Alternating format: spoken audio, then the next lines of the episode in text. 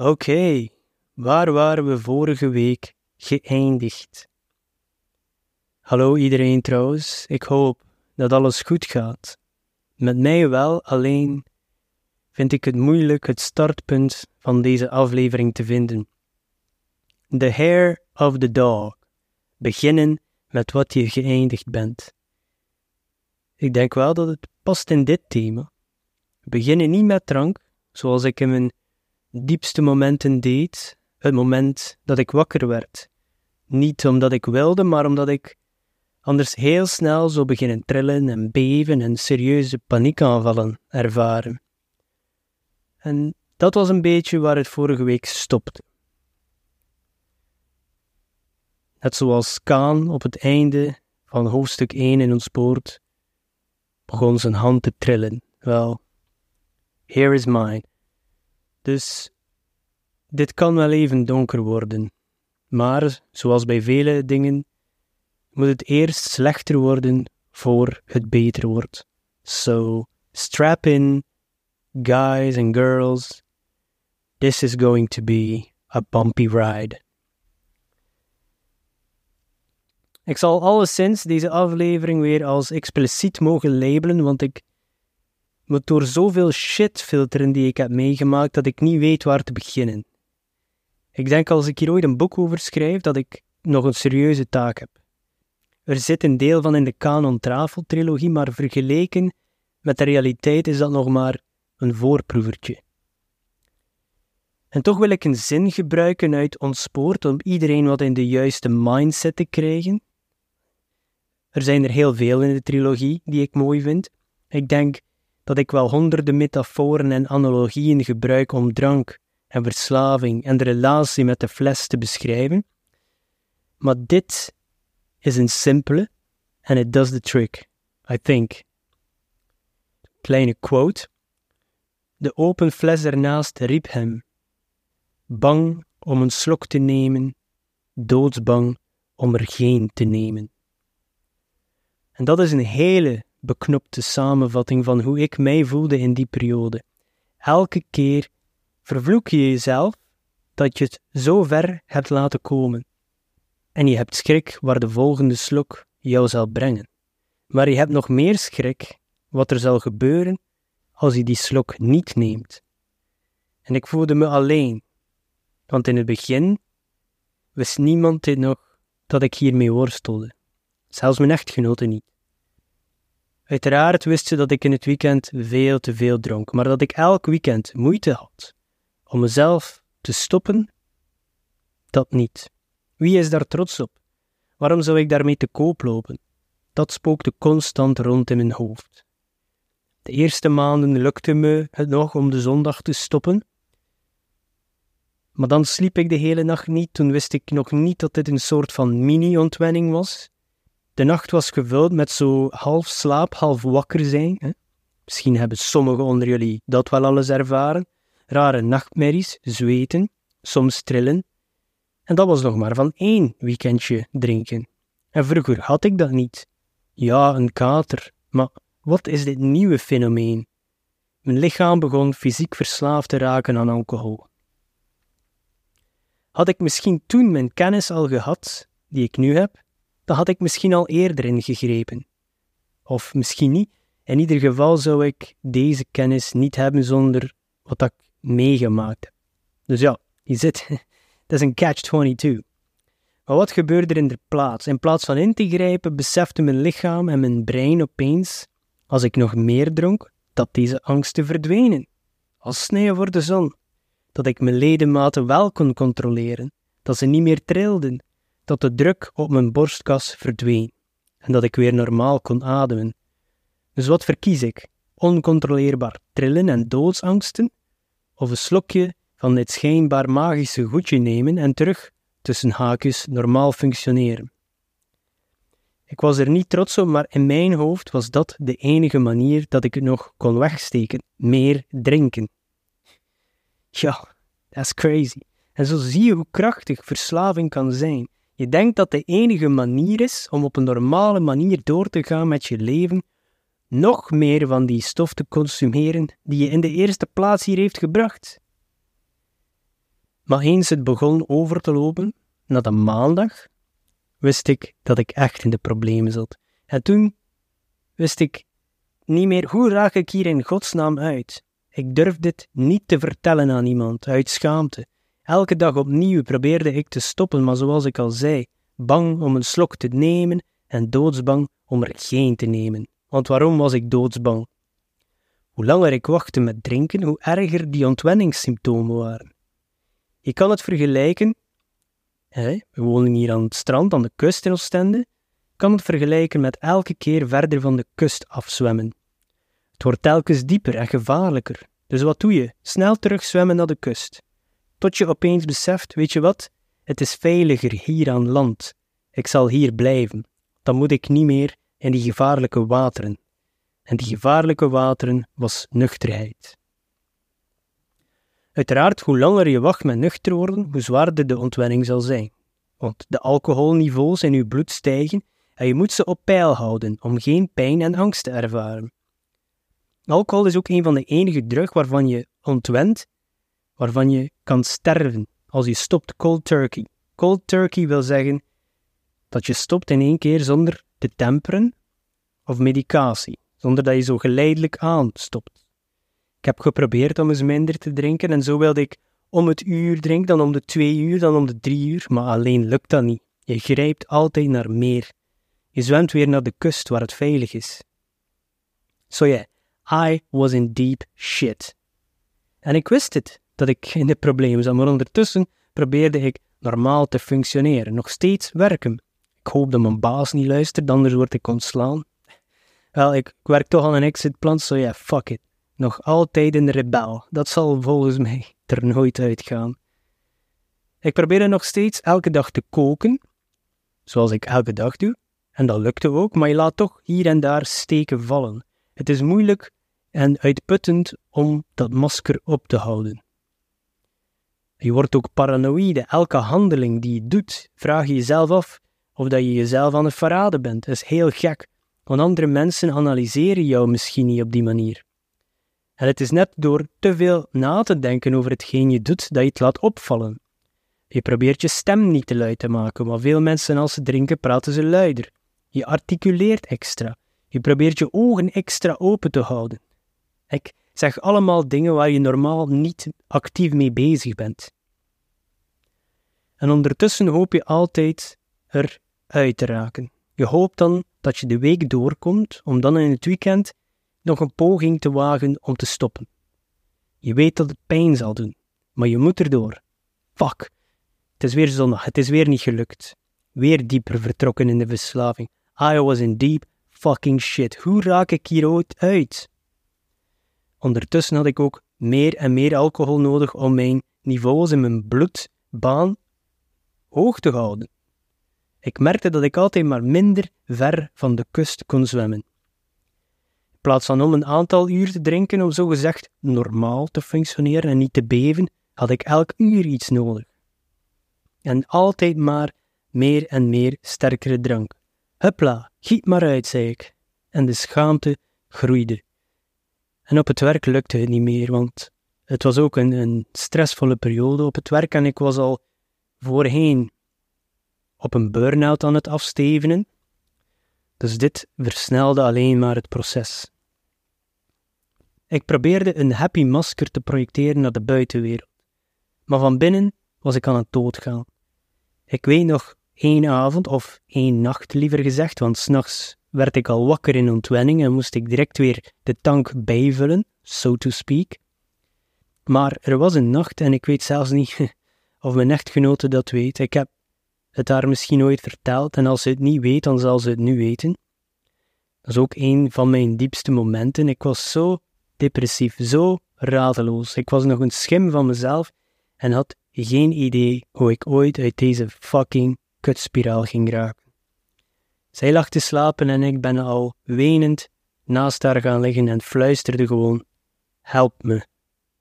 Maar ik heb haar niet wakker gemaakt, want ik durfde nog niet aan, maar ik denk wel dat het een eerste stap was.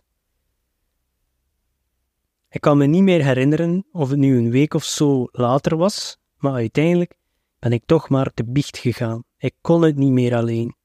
Eindelijk gaf ik het toe, en dat was ook een soort van opluchting. Dat geheim, al was het niet super lang, maar voor mij leek het wel een eeuwigheid, dat woog enorm op mij. Dat toegeven dat ik hulp nodig had, was de eerste stap. Maar het was ook nog maar het begin van, ik denk ongeveer een tweetal jaar geworstel met dit beest, misschien wel drie. Maar laat ons eerst naar die eerste helse ontwenning gaan. Ik weet niet of het bewust getimed was, maar het moment dat ik toegaf was net een verlengd weekend. Ik denk dat het op een of andere manier wel bewust was, want op dat moment had ik al heel veel opgezocht over alcoholisme en ontwenning. Nog belangen niet wat ik nu weet. Dat ging ik over de volgende dagen ondervinden, the hard way. Dus ik denk dat ik een dag of vier, vijf, ik denk vijf, niet moest werken. Dit was mijn opening om te stoppen. Dit was het moment. Ik wist dat het erg ging zijn, maar had nog geen idee hoe erg, geen flauw idee. Oh my god. En dat zei ik ook tegen mijn echtgenote. Ik had naar haar geweest en zeg: Oké, ik ben hier non-stop aan het drinken. Ik wil stoppen, maar dit gaat erg zijn. Ik denk dat ze wel een soort van vermoeden hebben. Mijn gedrag was niet helemaal 100%, maar ze was ondersteunend. Maar ik zei: Dit zal erg zijn. Op basis van mijn vorige ervaring van mini-ontwenning na binge-weekends, het was een binge-maand, so to speak, met bitter weinig slaap. En dat is ook een deel van de ontwenning die het erger maakt. Je brein heeft slaap nodig, remslaap, de slaap waarin we dromen. Als je slaap ontzegt, bouw je een soort slaapschuld op. En er komt een punt dat jouw brein slaap probeert in te halen, zelfs al ben je wakker. Dan krijg je hallucinaties. Je bent als het ware aan het dromen terwijl je wakker bent. Dat zijn dingen die ik toen nog niet wist. Ook wist ik niet dat je letterlijk kan sterven door alcoholontwenning, zeker als je gewoon stopt. Dus zo zie je maar, zelfs al denk je dat je veel weet, er zijn altijd zaken die je niet weet. Altijd. In principe komt erop neer dat ik mij vier, vijf dagen in mijn huis heb opgesloten, vooral in mijn kamer dan. Dit is geen kater die na 24 uur weg is. Bij ontwenning begint de piek dan pas na die dagen. En als je dan nog eens de pech hebt van mij, dan heb je een delirium tremens. En dat begint pas na een dag of twee. Wanneer je zou denken dat de meeste mensen erdoor zijn. maar dan moet het ergste nog komen. Mensen die denken dat delirium tremens een biertje is, dat klopt, die met het roze olifantje. Maar als je weet wat een echte delirium tremens is, dan is die naam van dat biertje toch niet meer zo gepast. Zeker als je het hebt meegemaakt. Ik heb heel veel humor en kan met heel veel lachen, maar ik betwijfel dat de makers van dit biertje echt wel weten wat het is. Even wat schokkende cijfers voor ik de symptomen beschrijf. Ongeveer de helft van mensen met alcoholisme zal ontwenning symptomen ontwikkelen als ze hun gebruik verminderen of stoppen. Dus ik was al bij die gelukkige helft. Maar dat wil ook zeggen dat de andere helft geen symptomen heeft bij ontwenning. Dus mensen die denken, hey, ik beef niet als ik stop met drinken, ik tril niet, ik heb geen probleem, dat is niet noodzakelijk waar. Je hebt gewoon de kans dat je geen ontwenningssymptomen hebt. Kan nog steeds een probleem zijn. Dus van die andere 50% die er wel last van hebben, zal ongeveer 3 tot 5% DT's, aka delirium tremens, ervaren. Jij mee! Het zal weer niet anders zijn of ik zit bij de 3% van de 50%. Het is alsof je de lotto wint, maar dan volledig anders. De sterfelijkheidscijfer zonder medische behandeling, de sterfelijkheid, de mortality rate zonder medische behandeling, is 15 tot 40 procent. Dus dat is wel even slikken. Je ziet dus mensen, wees alsjeblieft niet zo stom als ik en doe dit zonder medische behandeling. Ik was dom, ik was beschaamd, ik had het al toegegeven tegen mijn echtgenote, maar nog niet tegen andere mensen. Zij wist ook niet wat ze moest doen, heeft een aantal keer op het punt gestaan om te bellen naar een dokter of een ambulance, maar koppige Said zei elke keer nee. En sloot de deur weer in van een donkere kamer, wat ook heel dom was, want blijkbaar is tijdens zo'n behandeling voldoende licht ook nodig. Licht heeft heel veel effect op onze stemming.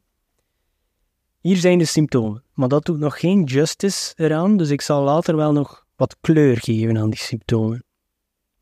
Fysieke symptomen zijn schudden, beven, onregelmatige hartslag, zweten, hoge bloeddruk, koorts, weer een supersnelle hartslag. Dan nachtmerries, als je het geluk hebt om even te kunnen slapen. Maar wees niet getreurd, want je hebt ook nog visuele hallucinaties tijdens het wakker zijn. Dan nog geluidshallucinaties, auditorische hallucinaties. Je hoort dus dingen die er niet zijn. En tactiele hallucinaties, gevoelshallucinaties. Je voelt dingen die er niet zijn, zoals duizenden naalden over uw huid. En dat was mijn lot voor ongeveer vier dagen lang. Dat wil zeggen, het weekend van vijf dagen die ik had, ik was pas op dag vijf weer ongeveer een beetje mezelf. En daarmee wil ik zeggen 10% van wat ik normaal ben. Want ervoor was ik min 10 miljoen. Gedurende de dag, als het daglicht is, verminderen de symptomen wel even. En dan als de nacht komt, is het weer erger.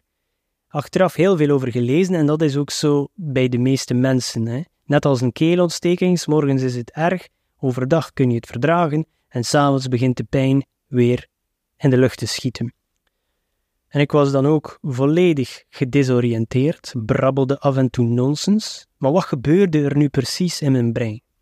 Alcohol is eigenlijk een depressant, want het vertraagt eigenlijk jouw breinfunctie, uw centraal zenuwstelsel, uw neurologische activiteit. Dus chronische drinkers, onze hersenen leren iets of wat normaal werken in deze vertraagde versie. Wanneer je stopt met drinken, schiet je hersenactiviteit in één keer weer de lucht in. En je wordt eigenlijk overgestimuleerd. En daar zit het gevaar. En vaak door minder te eten tijdens die periode heb je ook nog een keer een tekort aan alle vitamines, bijvoorbeeld vitamine B1, thiamine. Dus al deze dingen dragen bij aan een zware ontwenning en bij mij dus in een DT, de afkorting van delirium tremens. Eigenlijk is het wel vreemd, meestal komen DT's pas bij personen die al tien jaar of meer verslaafd zijn. En ik was zeker nog geen tien jaar verslaafd. Of dat dacht ik. Ja, ik dronk wel elk weekend voor meer dan tien jaar. Zwaar feest noemen ze dat. Dus ja, mijn brein was waarschijnlijk al traag aan het veranderen gedurende die tijd mij aan het klaarstomen voor verslaving en uiteindelijk een delirium tremens. Dus hoe ontwikkelden deze symptomen bij mij? Eerst en vooral een constante doodsangst, terreur in uw hoofd. De eerste 24 uur bestonden daaruit: schudden, beven, koorts, klappertanden, angst. Maar toen kwam de nacht. En dan kwam de echte terreur. Ik zag dingen die er niet waren, en als ik mijn ogen dicht deed, was het nog vele malen erger. Ik zag monsters. Ik zag mijn geliefden, maar met vervormde gezichten die mij raar aankeken. En soms had ik ook een soort van witte vlekken in mijn gezichtsveld, waar ik gewoon letterlijk blind was op die plekken.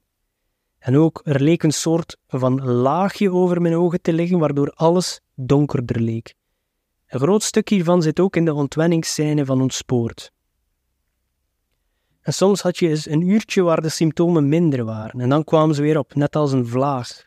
Ik voelde dat meestal opkomen als mijn oren weer warmer werden en dan kwam er zweet op mijn voorhoofd en dan wist ik, oké, we zijn weer vertrokken. Ik lag te schudden en samen te trekken in mijn bed op de zwaarste moment. Ik wenste voor slaap, omdat ik wist dat slaap een stuk van de genezing was. Maar ik kan gewoon niet slapen omdat je brein zo gestimuleerd wordt. En de weinige momenten dat je het slaap valt, val je meteen in de ergste nachtmerries. En het rare is, als je wakker wordt en enkele minuten later val je weer in slaap, zit je meteen weer in dezelfde nachtmerrie.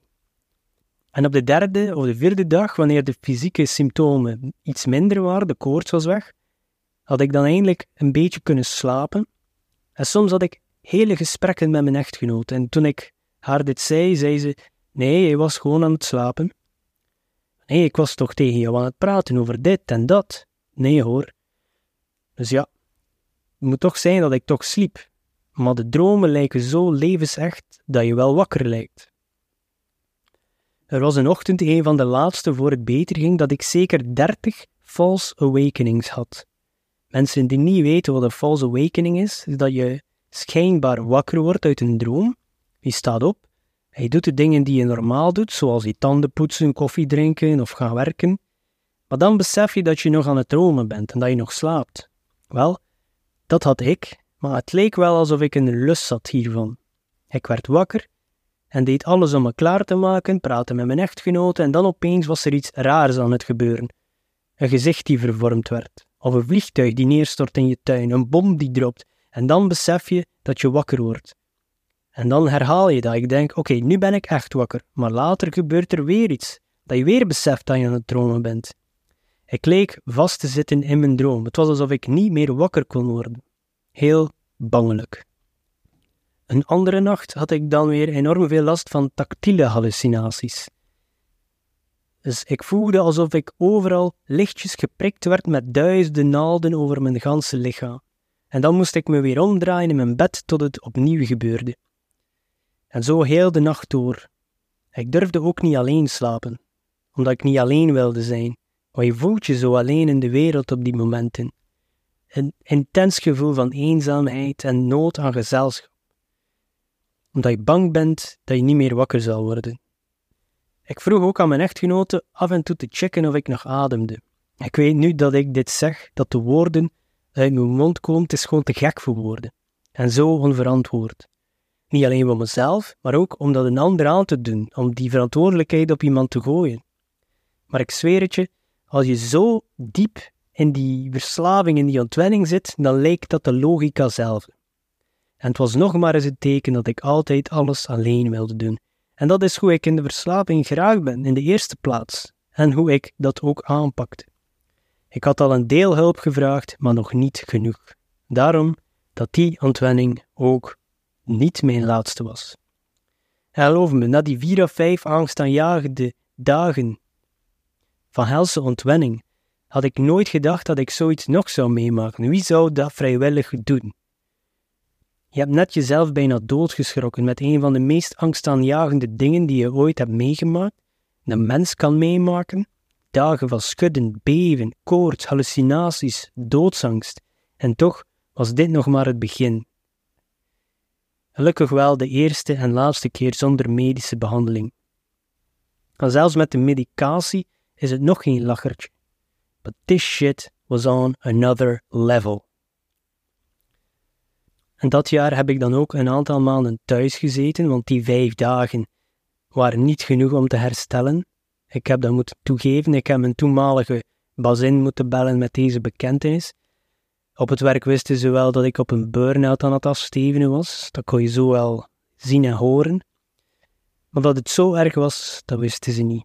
En toen heb ik tijdens die drie of vier maanden thuis ook geen druppel meer aangeraakt. Ja, je bent weg uit je normale omgeving, de stressoren zijn weg. Ik ben ook wat afgevallen. Mijn huid klaarde op, en toen ik terugkwam zei iedereen dat ik er goed uitzag. Maar enkele weken na terug aan de slag gaan, herviel ik weer ik had niet voldoende stappen ondernomen. En het was niet meteen zo'n herval als de vorige. Het lukte weer even om gewoon in het weekend te drinken. Ik dacht, ja, met de wetenschap van dat vorige schrikwekkende er... Ik dacht, ja, met die wetenschap van de vorige schrikwekkende ervaring, ik ga dat nooit meer zo ver laten komen. Waarom zou je dat willen? Ik wil gewoon weer die sociale drinker worden. Met vrienden op terrasjes zitten. Ja, dat lukte dus niet meer. Na een tijdje zat ik weer even ver. Eigenlijk moet je uit de omgeving van ervoor, want als je teruggaat naar dezelfde, is herval nooit ver weg.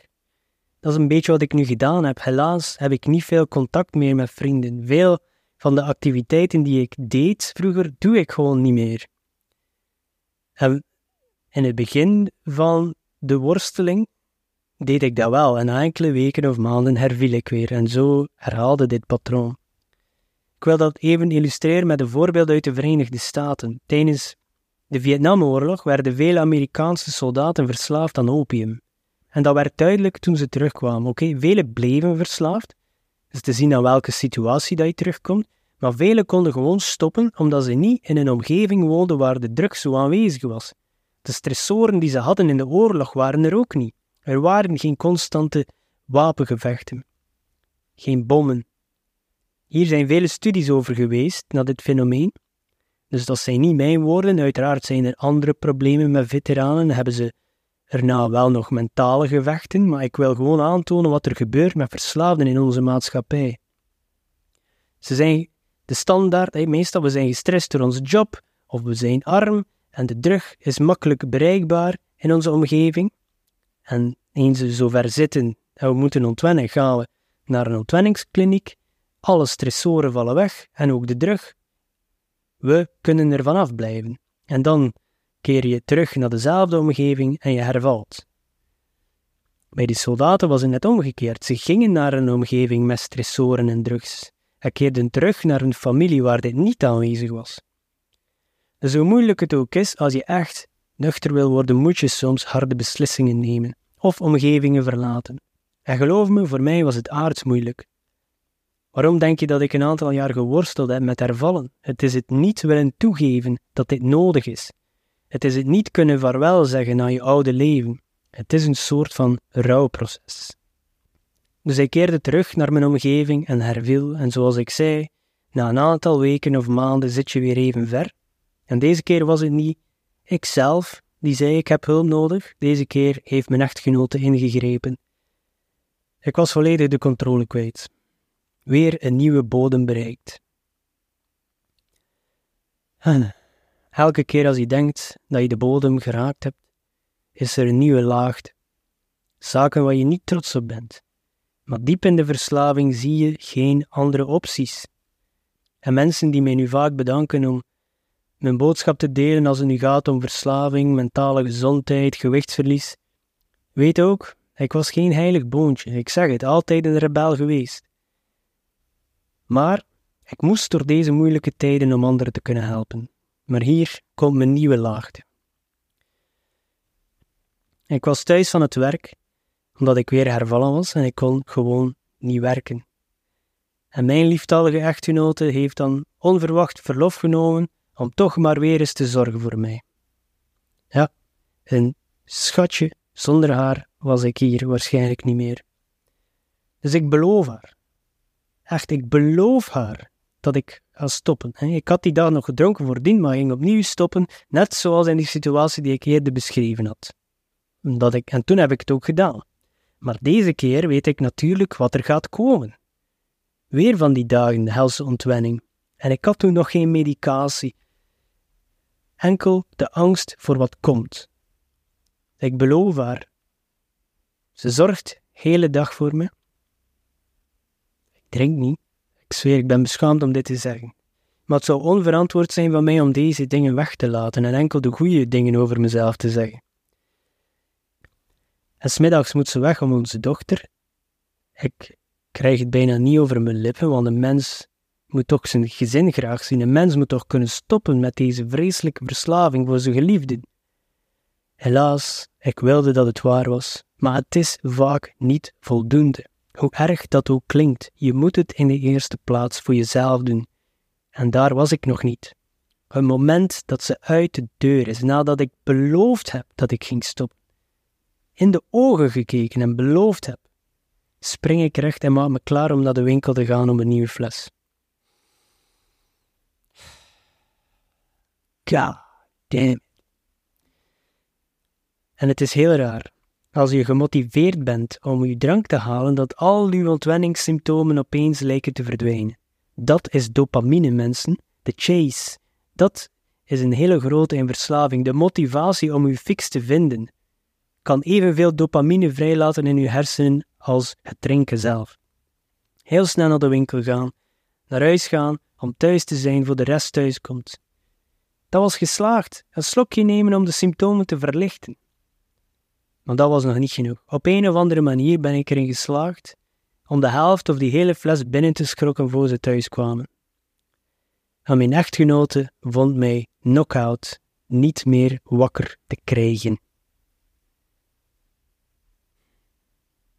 En het volgende dat ik weet, is twee ambulanciers in mijn slaapkamer en ik die mij uit alle macht verzet om me mee te nemen.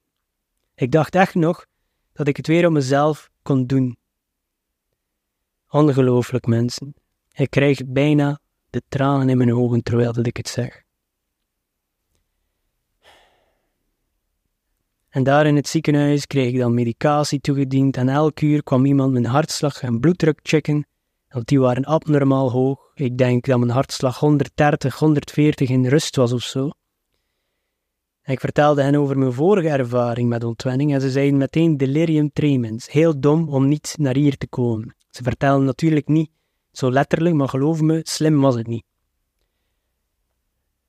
En dan zit je daar de volgende dag en ze vragen of je wil eten in de refter bij alle andere mensen op psychiatrie. Ik kon het nog niet. Ik hoor hier toch niet thuis. Integendeel.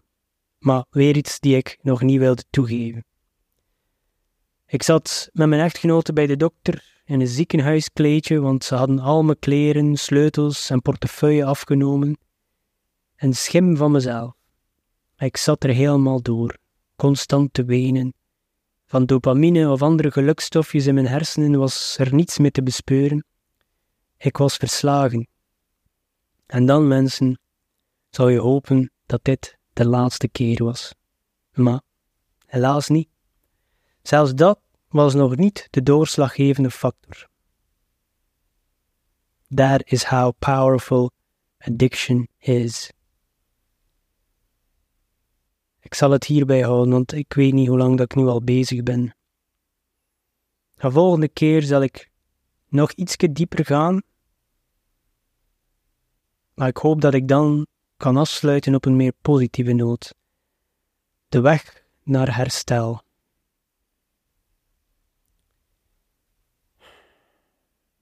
Wees niet te streng voor jezelf. Ciao.